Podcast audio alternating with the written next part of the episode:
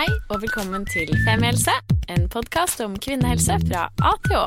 Og jeg heter Helene. Og jeg heter Sigrun. Og vi har startet denne podkasten fordi vi mener at det bør snakkes mye mer om kvinnehelse. Så la oss snakke. Hei, alle sammen, og velkommen til denne episoden av Femihelse som er litt annerledes kanskje enn pleier. Um, vi har jo uh, navnet Femi helse og har tatt utgangspunkt i helsespørsmål, men denne gangen så på livepoden så møtte vi en som bare var så engasjert, og vi skjønte at det var så mye driv rundt akkurat dette spørsmålet da vi begynte å diskutere det med kollegaer og venninner, at vi er så heldige at vi har fått inn en ekspert på eh, svangerskapsdiskriminering, eller diskriminering under graviditet. Mm. Vi kan jo introdusere, eller eh, kanskje du Else kan introdusere deg selv, og velkommen hit i dag. Tusen takk, det kan jeg godt. Jeg heter Else Leona McClimans, så jeg er advokat i Norsk Lektorlag. Men før jeg ble det, så har jeg jobbet i mange år som advokat, og jeg har også jobbet mye med, med likestilling. Og en av de tingene som nettopp er en sånn trigger, det er gravidediskriminering. Mm. Fordi at det Altså, jeg har jobbet med diskrimineringsrett i mange år, og det å få folk til å si at de er diskriminert, det er ofte en sånn kjempeterskel. Og det merket jeg spesielt i forhold til graviditet, fordi folk var liksom ikke villige til å si at de var diskriminert, da, når de var gravide og ting skjedde på jobben som faktisk hadde en sammenheng med graviditeten deres. Så bare første spørsmål der, fordi eh, jeg kan lite om graviditet, og jeg kan enda mindre om juss. Men hva er eh, Altså, det er en egen avdeling, eller hva kaller man det? Mm. En egen inst altså det du jobber med er diskrimineringsrett? Nei, jeg jobber nå med arbeidsrett, med ja. vanlig arbeidsrett. Men jeg, for lenge siden så jobbet jeg hos Likestillingsombudet. Og også jeg har vært nestleder i Diskrimineringsnemnda. Og det er jo de instansene i Norge som jobber med å vurdere om diskriminering har forekommet eller ikke. Og da er jo Altså, diskriminering av kjønn handler jo om diskriminering fordi du er kvinne. Men veldig mye av den diskrimineringen som skjer i dag, er jo nettopp gravidediskriminering. Altså, altså ting som skjer Altså, du mister rettigheter du mister fordi du er gravid. Mm. Sånn at dette handler ikke om helse, men det handler jo litt sånn indirekte om helse, fordi at det handler litt om de konsekvensene og de manglende mulighetene du kan få som gravid. Da. Så bare, bare for, fordi jeg er nysgjerrig, da, men denne, men Likestillingsnemnden og diskriminering generelt, så er det alt som har med en form for urett, eh, hvor du blir behandlet på en eller annen dårligere måte fordi du er eh, kvinne eller mann, eller kommer fra en annen etnisitet eller seksuell legning, eller egentlig hva som helst, men at det er en og på en måte ulogikk i forhold til oppgaven eller jobben du skal ha. Mm. Altså, altså, diskriminering, ja. det er en usaklig forskjellsbehandling som gjør at du stilles dårligere pga. et av diskrimineringsgrunnlagene. Og du nevnte jo noen av de. Det er kjønn, det er seksuell orientering eller legning, det er rase, etnisitet, nedsatt funksjonsevne, Uh, og så har jeg veldig på følelsen av at jeg har glemt uh, et grunnlag, og det kommer jeg nok uh, på mm. etter hvert. Da kan vi skyte det inn etterpå. Ja. ja. Men, men, men, det er jo altså det er jo karakteristika ved deg selv som du ikke kan noe for.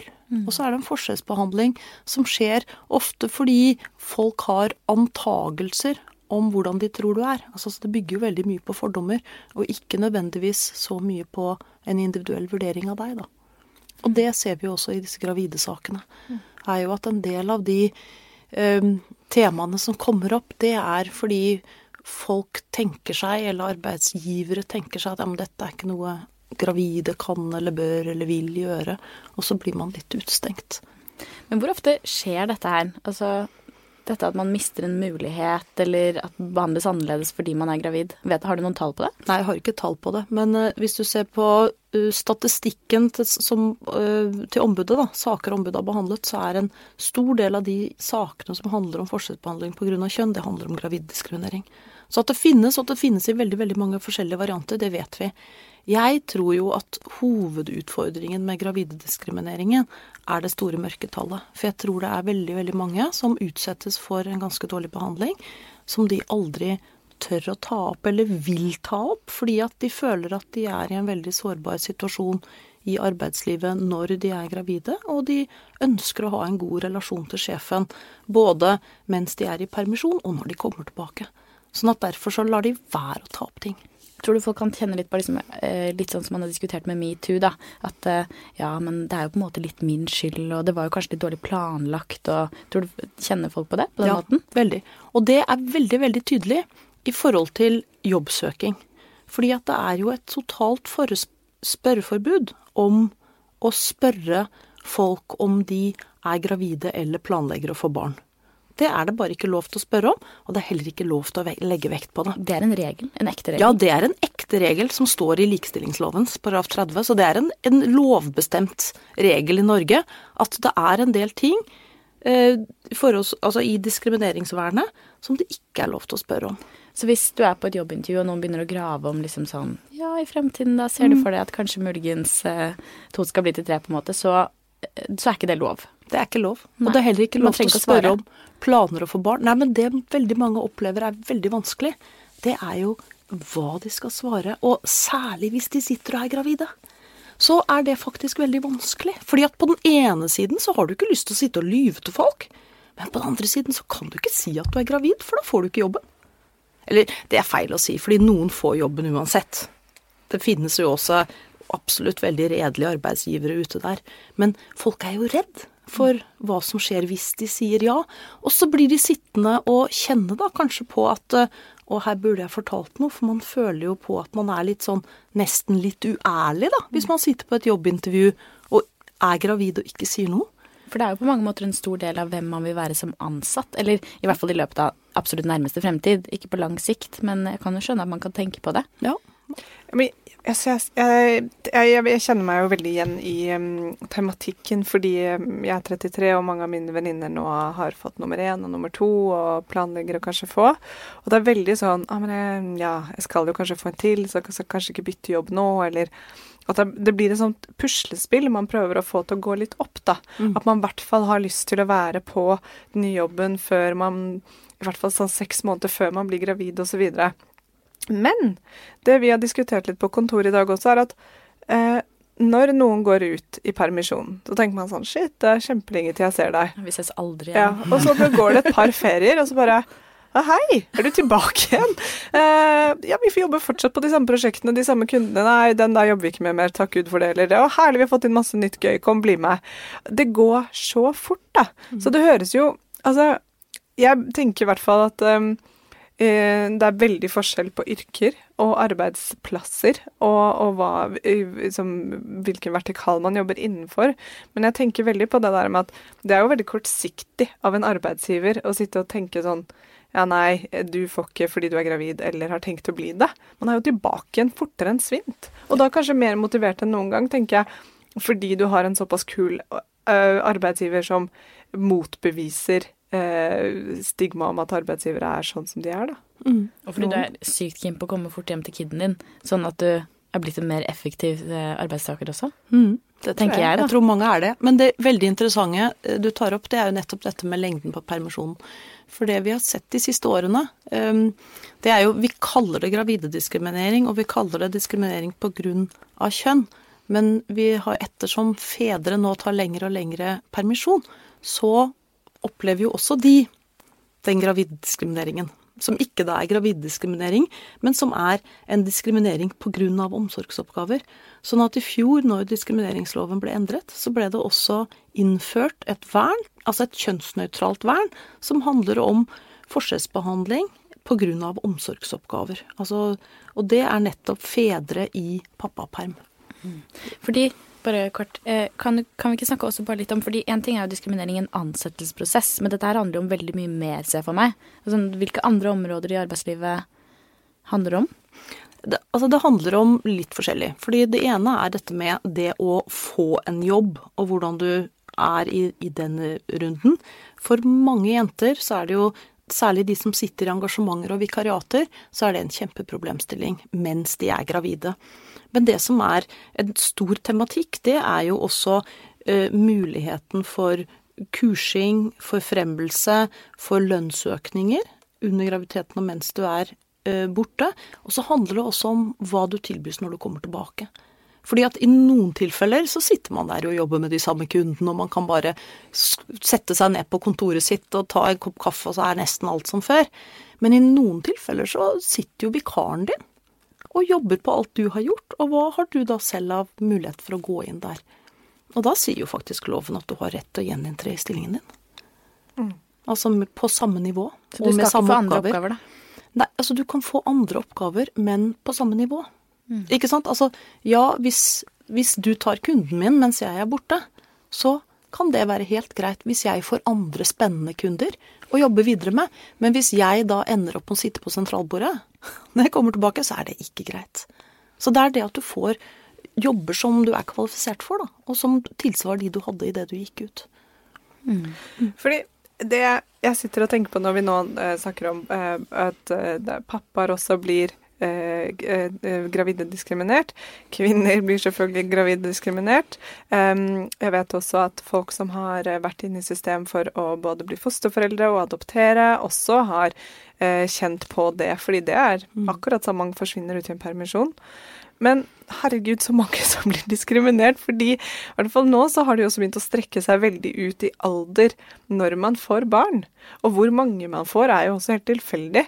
Så når er det du da er på en måte udiskriminerbar? Eller sånn, du er jo på en måte bare fra du er da nyutdannet, men da må du egentlig ha litt arbeidserfaring, så da er du ikke helt poppis ennå. Men så idet du har fått litt arbeidserfaring, da begynner du å vurdere å få kids. Og så får du det kanskje fra du er sånn eh, 26-27 til du er 43, da. Så det er jo en bredt spekter med bare sånn et arbeidsmasse som nå blir diskriminert. Så det sier seg jo selv at ok, det her er jo ikke en, en, en holdbar strategi for en hvilken som helst arbeidsgiver. Det blir veldig rotasjon. Da. Jeg, tenker jo at veldig mange Jeg tror det er viktig å si at jeg tror nok hovedregelen er at de fleste ikke diskrimineres.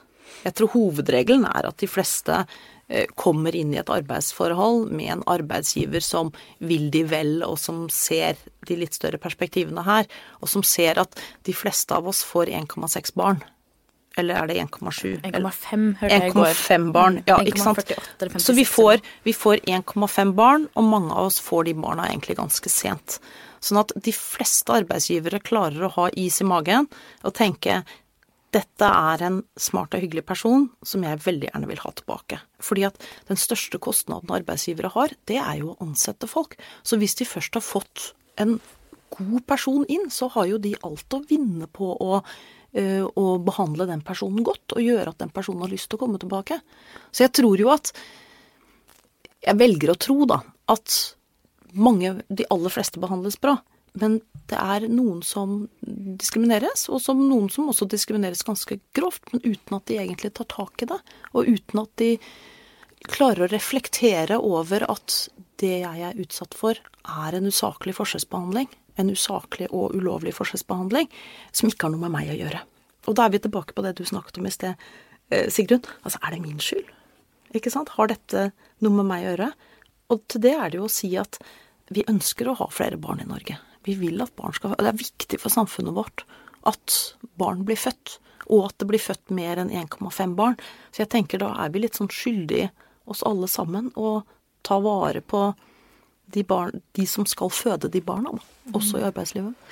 For eh, når vi møttes forrige gang, Else, og snakket mm. kort om dette her, um, så kom vi jo litt inn på det at uh, i de tilfellene hvor en kvinne blir diskriminert, spesielt i forbindelse med en ansettelsesprosess, da, at uh, det er lett å si sånn Ja, men jeg forstår jo det. Mm. Uh, at man velger enten å ikke gå for den personen eller ting og tang. Hva tenker du om det? Ja, det er jo veldig mange måter man kan skjule ting på ikke sant, og, og mange måter man kan bortforklare ting på. Det letteste uh, i en ansettelsesprosess, det er jo bare å si nei, men hun passet nok ikke inn her. Altså, man sier jo ikke at det er på grunn av graviditeten.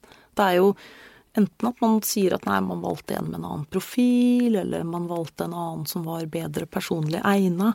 Ikke sant? Du sier jo ikke 'nei, det var fordi hun var gravid og jeg trenger noen nå nå'. Det er jo, det er jo, ikke, det de, det er jo ikke det de sier. Uh, men men samtidig så er det jo noe med å, å, på en måte da For noen er det nok lettere å bortforklare det også. Altså også for seg selv å si at eh, nei, jeg ble ikke graviddiskriminert. Eh, men min erfaring har jo vært at når jeg har begynt å snakke med dette med graviddiskriminering, så har folk egentlig vært litt, litt sånn som dere var. Når jeg begynte å si at dere må snakke litt om graviddiskriminering, så sa dere litt sånn hæ, hva er det? Og så når jeg begynte å snakke om det, så tenkte dere ja, men dette har dere hørt før. Og det er liksom den erfaringen jeg får, eller den responsen jeg får veldig ofte. Det er jo når jeg begynner å snakke om dette, så er det jo det at ja, dette har folk hørt om. Og jeg tenker et veldig viktig budskap, det er å si Vel, ja, sorry, nå avbryter jeg deg. Men har hørt om, eller sånn som vi har jo også diskutert dette her ganske mye, det derre mm, smart Altså fordi det er mange som nettopp er opptatt av det, eller som er sykt strategiske på det. Altså sånn Når skal man få barn? Ok, ok, hvordan skal man gjøre det med jobb? Hvor lenge har man tenkt å være der? Bla, bla, bla. At det blir et sånn strategiløp mm. parallelt med livet, på en måte, som egentlig ikke mm. går helt overens. Fordi mm. man ofte da, som du sa i stad, liksom prioriterer relasjonen til arbeidsgiver eh, og føler seg selv på mange måter kanskje litt sånn du gjør, deg, du gjør meg en tjeneste som har ansatt meg, eh, og derfor på en måte skal Ja. Mitt på en måte sånn Mine valg i livet kommer litt sånn i andre rekke på mange måter, da. Mm. Du hadde et viktig budskap, sa du. Å ja, unnskyld. Ja, nei, jeg bare ble så engasjert. Det var egentlig å, for å gå, gå, litt videre da, i forhold til dette med, eh, med gravidediskriminering. Men jeg har skrevet den ned på en lapp, så jeg kom på det. Så jeg kan gå tilbake til hva Sigrud spurte om. og, og det, var, det var jo dette med hvordan folk planlegger for å få barn. Og, og, på en måte man skal planlegge så barnet blir født før søknaden til barnehagene går ut, og man skal ha 1,5 barn, og de skal hete Margrethe Herman, og alt er veldig, veldig klart. Men det dessverre noen oppdager, er jo at de plutselig ikke kan få barn. Eller at de får store problemer med å få barn. Og da er jo nettopp denne femårsplanen faktisk liksom litt skrudd for de. Og da blir det litt vanskelig. sånn at jeg har alltid tenkt litt sånn enkelt. Jeg har tenkt at prøv å få barn når du har lyst på barn, og hvis tilfeldigvis drømmejobben kommer akkurat da, så bare prøv. Altså, det skader jo ikke noe å prøve. Uh, og kanskje du faktisk får den. Det er mange Jeg fikk en jobb når jeg var gravid. Og, det, og da sa jeg til arbeidsgiver at jeg er gravid, men de ønsket å ha meg. Det var fint. Men en del folk, f.eks. de som sitter i engasjementer og vikariater, de har jo ofte et problem fordi at engasjementet deres går jo ut. Eller vikariatet deres går jo ut. Og til og med i tilfeller sånn som med sykepleier, da, hvor du har en masse midlertidige stillinger, og du får vikariater hele tiden, og så plutselig får du ikke et vikariat, og derfor er du gravid. Og så sier de men det har ikke noe med, det har ikke noe med graviditeten din å gjøre. Og da sier jo de sakene som har vært om dette, for dette har det vært mange saker på, hos Diskrimineringsombudet og Diskrimineringsnemnda. Og da sier de at hvis det har vært sånn i arbeidsforholdet at det har vært en måte å drifte på, at man har driftet med en masse vikariater, og den det gjelder ikke har fått noen klager, så det på en måte ikke er noen ytre grunner til at vikariatet opphører, da er jo det naturlige vil jo være å gi den personen eh, et, et nytt vikariat. Og mm. da er det graviditeten som er skyld i at man ikke får det. Og hvis graviditeten er skyld i at man ikke får det, ja, det er graviddiskriminering.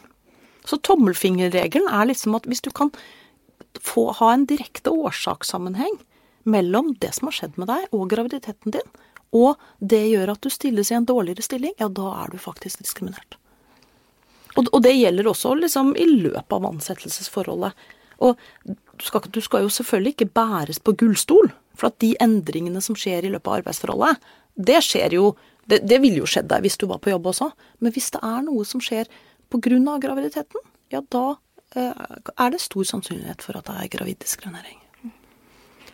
Er det Altså, det her er jo Er det andre typiske liksom, ting som man kan kjenne litt igjen? Altså, du kan ikke få forlenget uh, vikariat eller engasjement. Um, kanskje man blir liksom tatt av prosjekter for mindre heftige arbeidsoppgaver. Uh, og, og, og, også ikke blir vurdert til forfremmelser eller lønnsforhøyelser. Mm. Har jeg ramset Folk har lov til å gå på kurs, f.eks. Ja. Altså, det er jo I noen bransjer uh, er ikke det med kurs en sånn stor deal. Men i noen bransjer, og særlig bransjer hvor det er en veldig rask utvikling, så er man jo ofte avhengig av å gå på mange kurs for å opprettholde kompetansen sin. Eh, og, og det er klart at hvis man f.eks. sier til arbeidsgiver veldig tidlig at man er gravid, da. Du er liksom gravid i tredje uke, fjerde, femte uke, og så sier du til arbeidsgiveren din at du er gravid, ja, da har du veldig lang tid å være gravid på i arbeidsforholdet ditt. Og mentalt er jo arbeidsgiveren da i gang med å erstatte deg. Og da kan det jo hende at når, man da spør om å få gå på kurs, så kan arbeidsgiveren si ah, det er jo et veldig dyrt kurs, og kanskje du heller kan få det kurset når du kommer tilbake. Er ikke det bedre enn at vi bruker de pengene på deg nå? Og det er jo en sånn litt sånn Da kjenner man jo litt på at eh, ja ja, på den ene siden så forstår man det jo. Men på den andre siden så er man faktisk ikke ute i permisjon før man er ute, da. Og det er, er Man går egentlig ganske lenge gravid, så du har en lang periode når du faktisk er på jobb som gravid og forventes å gjøre en helt vanlig jobb, da. Og det gjør jo de fleste av oss også. Ikke sant. For det er jo det. De aller fleste som hvis man ikke får komplikasjoner eller noen bekkenplager eller sånne ting, kan jo eh, jobber jo helt vanlig. Trøtt i trynet om morgenen kanskje og Litt trøtt og litt grønn? Ja. Litt grønn. litt grønn. Litt grønn. Ja. Eh, Sånn er det. Jobber jo rimelig vanlig, i hvert fall, så, så er vi det mye på vår jobb. Men jeg tenker jo at hva slags Så hvis sjefen din skulle si noe sånt til deg da, um, hvordan burde man respondere, eller hva slags rettigheter har man da? Er det noen tips og triks til hva man kan gjøre da? Nei, da syns jeg jo at man skal si er det, er det av graviditeten min jeg ikke får dette kurset? Er det av permisjonen? Um, og hvis uh, sjefen da er så ulur og sier ja, det er det, så kan man jo vurdere da ja, har jeg en case som jeg ønsker å presse, eller skal jeg bare tenke at ok, det, det var det toget, jeg tar det når jeg kommer tilbake. Det man selvfølgelig også kan gjøre, er jo å si ok, greit, men da vil jeg gjerne ha skriftlig at jeg får dette kurset når jeg kommer tilbake. Ikke sant? Sånn at man på en måte har en, har en lovnad om noe hyggelig man kan få når man kommer tilbake. Ja, for det er um, Det vi også snakket om i dag på jobben, er jo at man gruer seg til å si det til sjefen sin.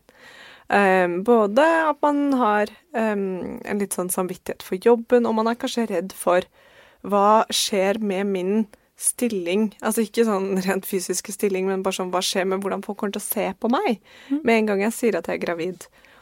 Og det tenker jeg jo at det er så synd, da, at det er sånn. Fordi det er jo egentlig dødshyggelig mm. når noen kommer på jobben og sier at jeg er gravid.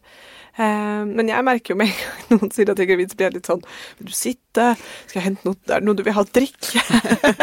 du, du spiser det? Ja, OK, ja. Altså, men jeg blir veldig oppmerksom da, på den personen med en gang, på en litt annen måte.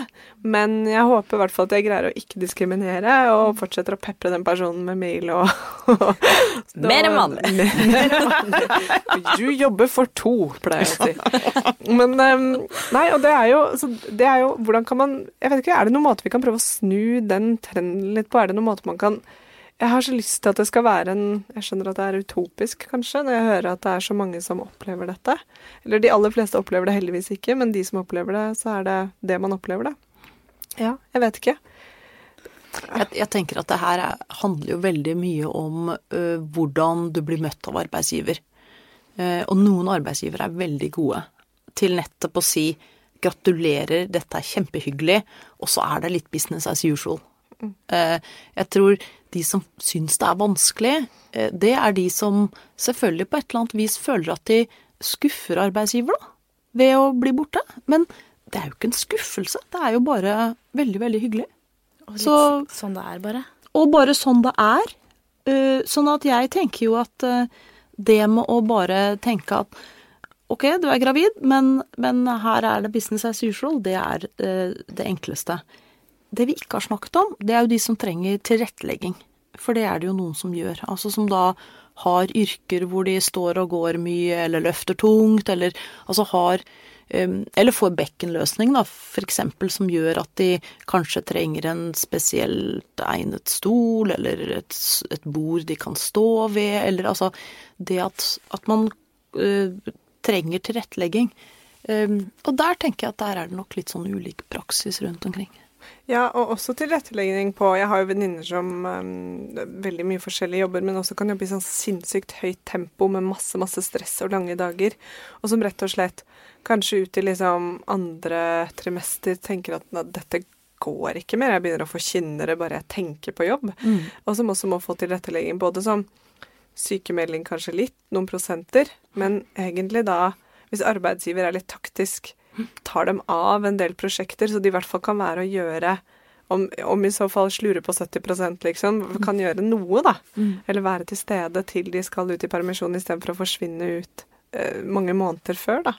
Og det tror jeg er veldig viktig, det du tar opp der. Nettopp det at hvis arbeidsgiver er litt lur, så kan de fleste av oss jobbe til tre uker før termin. Med litt kløkt og omhu. Mens hvis det er liksom bare fullt kjør hele tiden, så ender det jo nettopp med at folk kjører seg helt i senk, og så blir de helt sykmeldt.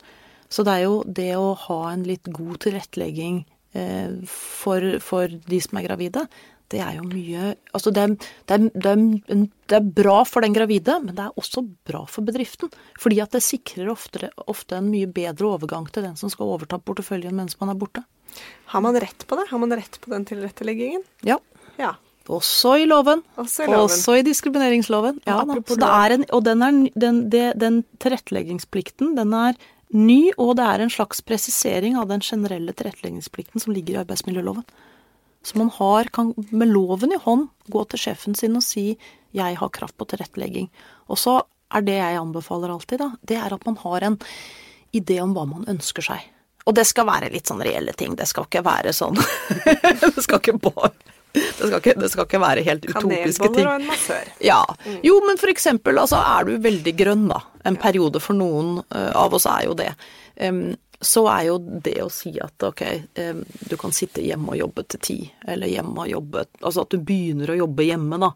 Eller at du har en fleksibel start på morgenen, eller Altså, det er jo en del ting som man faktisk kan løse, også ved hjelp av teknologi. Altså, man kan jo ha veldig mye mer hjemmekontor nå enn, enn for 20 år siden, da.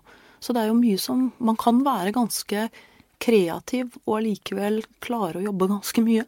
Mm. Jeg har egentlig bare et siste spørsmål. Og det er er det mange som går til sak pga. Mm, graviddiskriminering? Nei, veldig få. Altså, var, da er vi litt der jeg startet. Altså, jeg, jeg, tror det er veldig, veldig mange flere tilfeller enn det som kommer opp. Men det er noen. Og det er også en del fagforeninger som gjør en god jobb ved at de faktisk Altså, det blir ikke noe sak av det, men eh, man har tillitsvalgte, og man har verneombud på de forskjellige arbeidsplassene, som da hjelper den gravide til å få en, en god arbeidssituasjon mens hun er gravid, og også da i barselsfasen og i omsorgspermisjonfasen. Mm. Og så er vi så heldige å ha fått med oss en gjest til.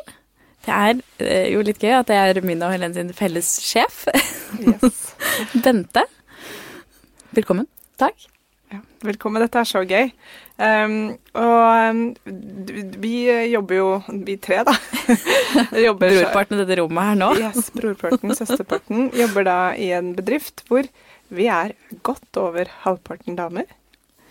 Ja, jeg tror vi jeg tror faktisk vi er rundt, jeg tror ikke vi er over halvparten, men vi ligger på rundt over 40 ja, Det bare virker som det er så mye damer der. Ja, men vi tar ja. stor plass. Vi tar stor ja. plass. Mm. Men Bente, du også. Kan ikke du begynne med å introdusere deg selv litt? Ja. Jeg har ansvaret for uh, alle de som jobber i Trigger, med 31 stykker. Um, og vi er jo et uh, eh, PR-kommunikasjonsbyrå som uh, Ja, det er vel ikke så mye mer å si enn det, men, men det er jo Vi har jo alltid Trigger vært opptatt av at folk skal ha det bra. Og da er jo det temaet her vi skal snakke om i dag, veldig, veldig viktig. Mm. Og vi inviterte jo deg, for vi ville høre litt Altså, Trigger er jo da i privat sektor, er avhengig av selvfølgelig folka som er der. Det er det vi er. Vi produserer jo bare liksom det vi Hjernekraft. Hjernekraft. Kommunikasjon og PR. Um, så hvis nå Sigrun og jeg hadde sagt til deg uh, Så det som vi skal si nå, ja. ja. i kor Jeg er gravid. ja. Altså, vi er gravide, ja. Jeg følte at vi liksom var det sammen. Men, det var litt hyggelig. Ja. Okay, jeg er gravid. Ja. Men hva hadde din respons vært da? Da eh, Det som skjer når folk skal fortelle meg at de er gravide, det er at jeg har grua seg veldig. Det de ikke vet, er at jeg har skjønt det for lengst. er det sant? Ja. Det er alltid sånn at det skjer et eller annet. Jeg vet ikke om de prøver å skjule eller være ekstra fresh, eller jeg vet ikke, men det er et eller annet. Eh, så da ber de meg om et møte. Ofte inne på det vi kaller hamsterrommet, som er litt sånn koselig møterom. Og så setter vi oss ned der, og da, idet de akkurat skal si setting, så ja, men jeg vet det. Det har jeg sett. Og da, da, setter jeg i gang egentlig med først gratulasjon, og så er det ofte at jeg ikke kan gi en klem, fordi at da får alle se det. Og det har de egentlig ikke så lyst til, for de forteller meg ofte dette her litt tidlig. Uh, og så uh, setter jeg i gang med det jeg kaller peptalken.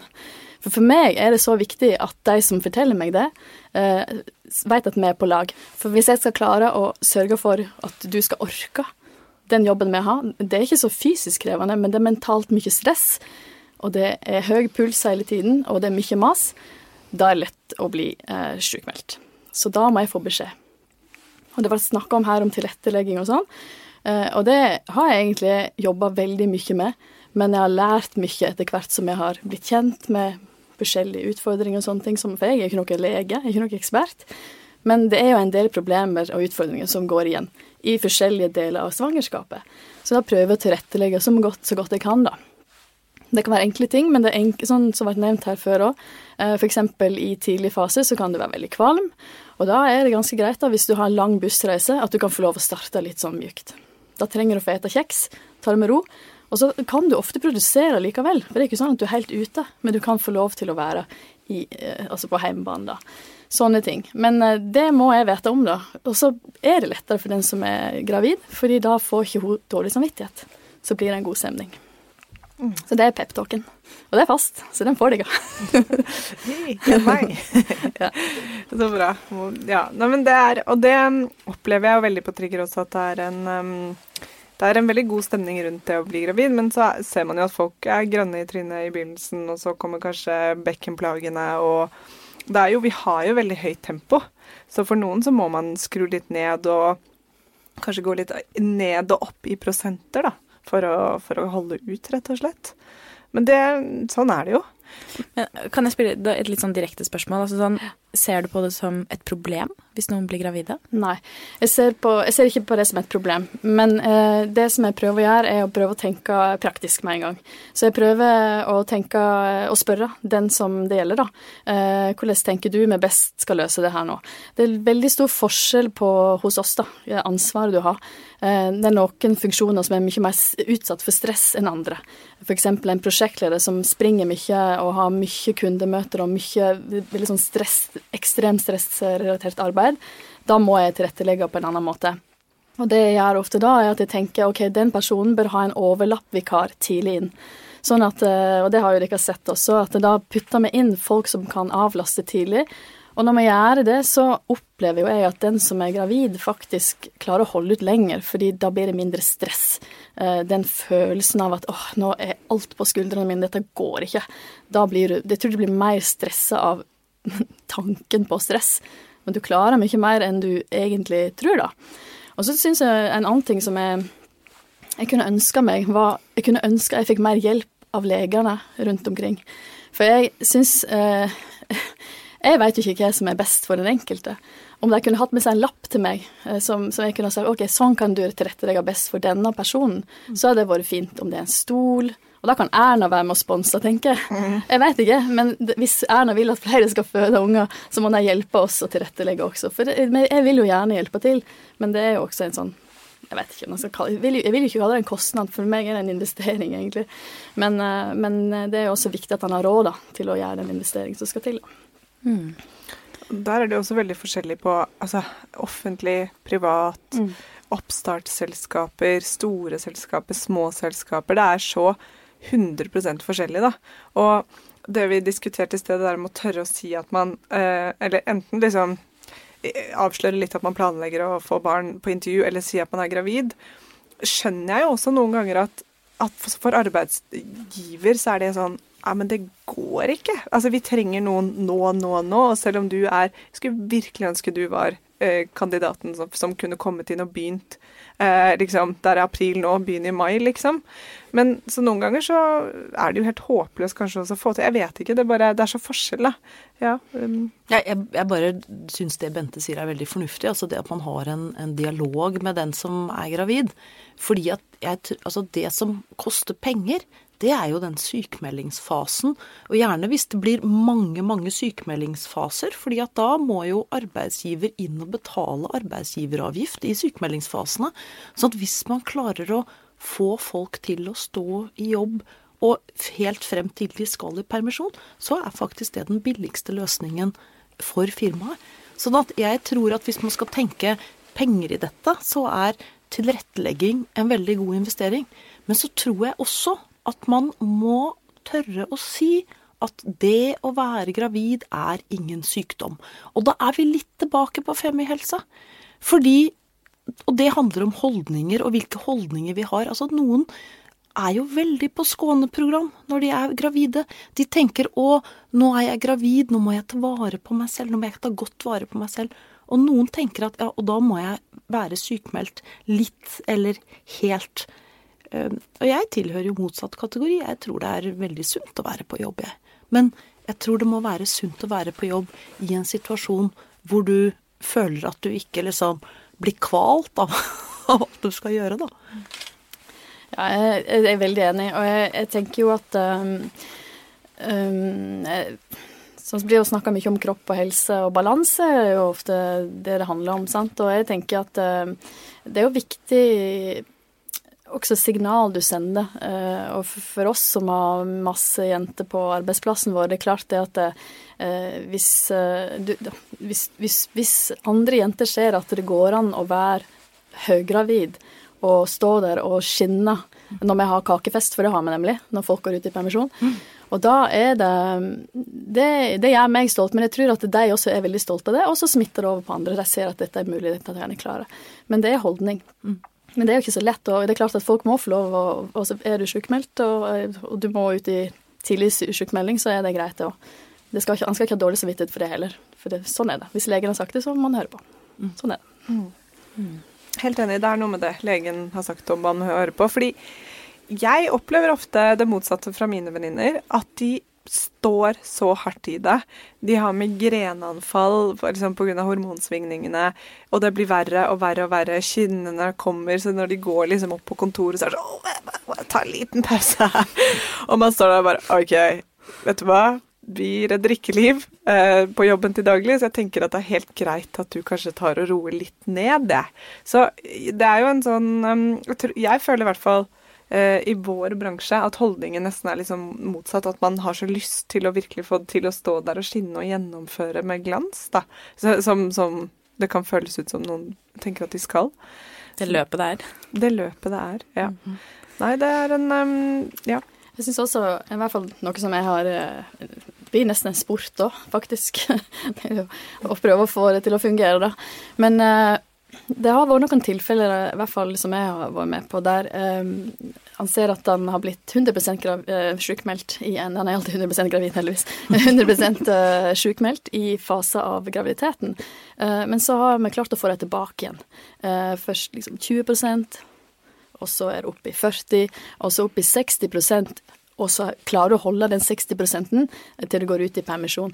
Og det er jo litt liksom da har jeg jo hatt denne dialogen med den som har vært gravid, men også inn mot Det er interessant da den dialogen den gravide har hatt inn mot sin lege, som egentlig har vært litt sånn skeptisk til å sende den gravide inn igjen i manesjen.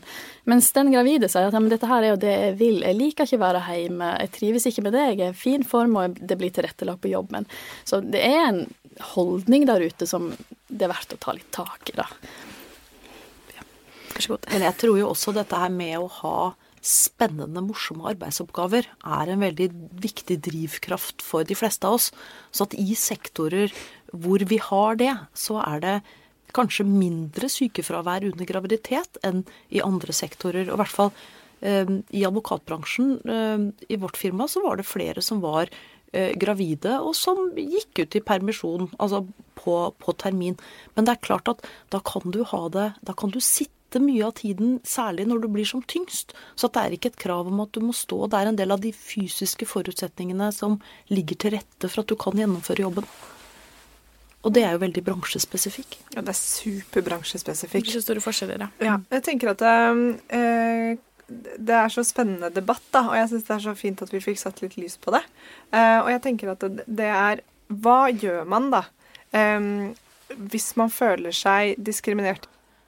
Hvis det er sånn at man føler seg eh, forskjellsbehandlet, så må man jo ta det opp med nærmeste leder. Du kan ikke sitte og liksom ta det opp med advokater og, og gud vet hvem, og så ikke ta det opp med lederen. Altså Lederen må jo være den første du snakker med om dette. Men hvis man da syns at det er litt vanskelig av en eller annen grunn, eh, så Nå bare tenker jeg sånn eh, Hva gjør man da? Da kan man inkludere fagforeningen sin, Mm. og kanskje be om bistand derfra første omgang. Ja. Eh, og så vil jo de også kanskje være med på en vurdering om ok, dette her er faktisk såpass Hvis det er det, såpass grovt til at her inkluderer vi en advokat, for eksempel. Uh, er det der man går? Hvordan, Hvis man skal finne ut av hvilke rettigheter man har, og hva som har skjedd, er det noen tips og triks til hvor man skal sjekke opp eller gå? Er det Likestillingsombudet, eller hvem er det man Likestillingsombudet har veiledningsplikt. Veldig lurt å snakke med de. De kan mye om dette. Eh, Hvis det er snakk om manglende tilrettelegging på arbeidet, så kan jo verneombudet være en god Ja, som man har på inngangsvinkel, som man har på de større arbeidsplassene. Så har man jo verneombud, eh, og verneombudet skal jo påse at, eh, at bedriften oppfyller HMS-krav, ikke sant. Og det med tilrettelegging er jo en del av HMS-biten. Så man kan gå til eh, verneombudet. Og så tenker jo jeg at man rett og slett bare må finne ut hva er det som er praksis i bransjen. Ikke sant? For i noen bransjer er man veldig god på dette og har veldig mye erfaring med det. Og andre bransjer er man ikke kommet så langt. Og da lønner det seg å ta en telefon til Likestillingsombudet. Ja. Det var på mange måter en god oppsummering, tenker Ja, jeg. veldig fin oppsummering.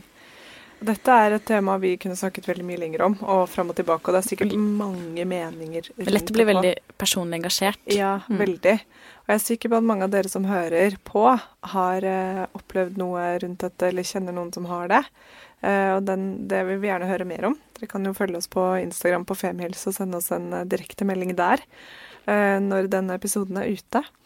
Um, jeg vil bare si tusen takk til Bente og Else som kom her og, og representerte to sider av samme sak, på en måte.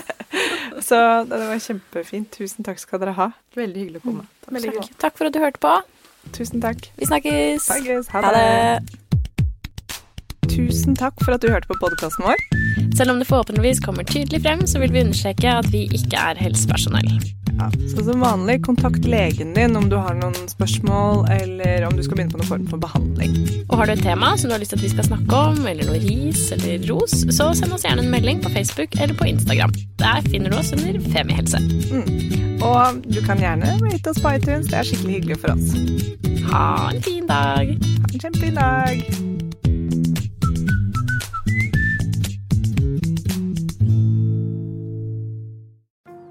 Ungsamtalen fra DNB er økonomisk veiledning tilpasset deg som er ung.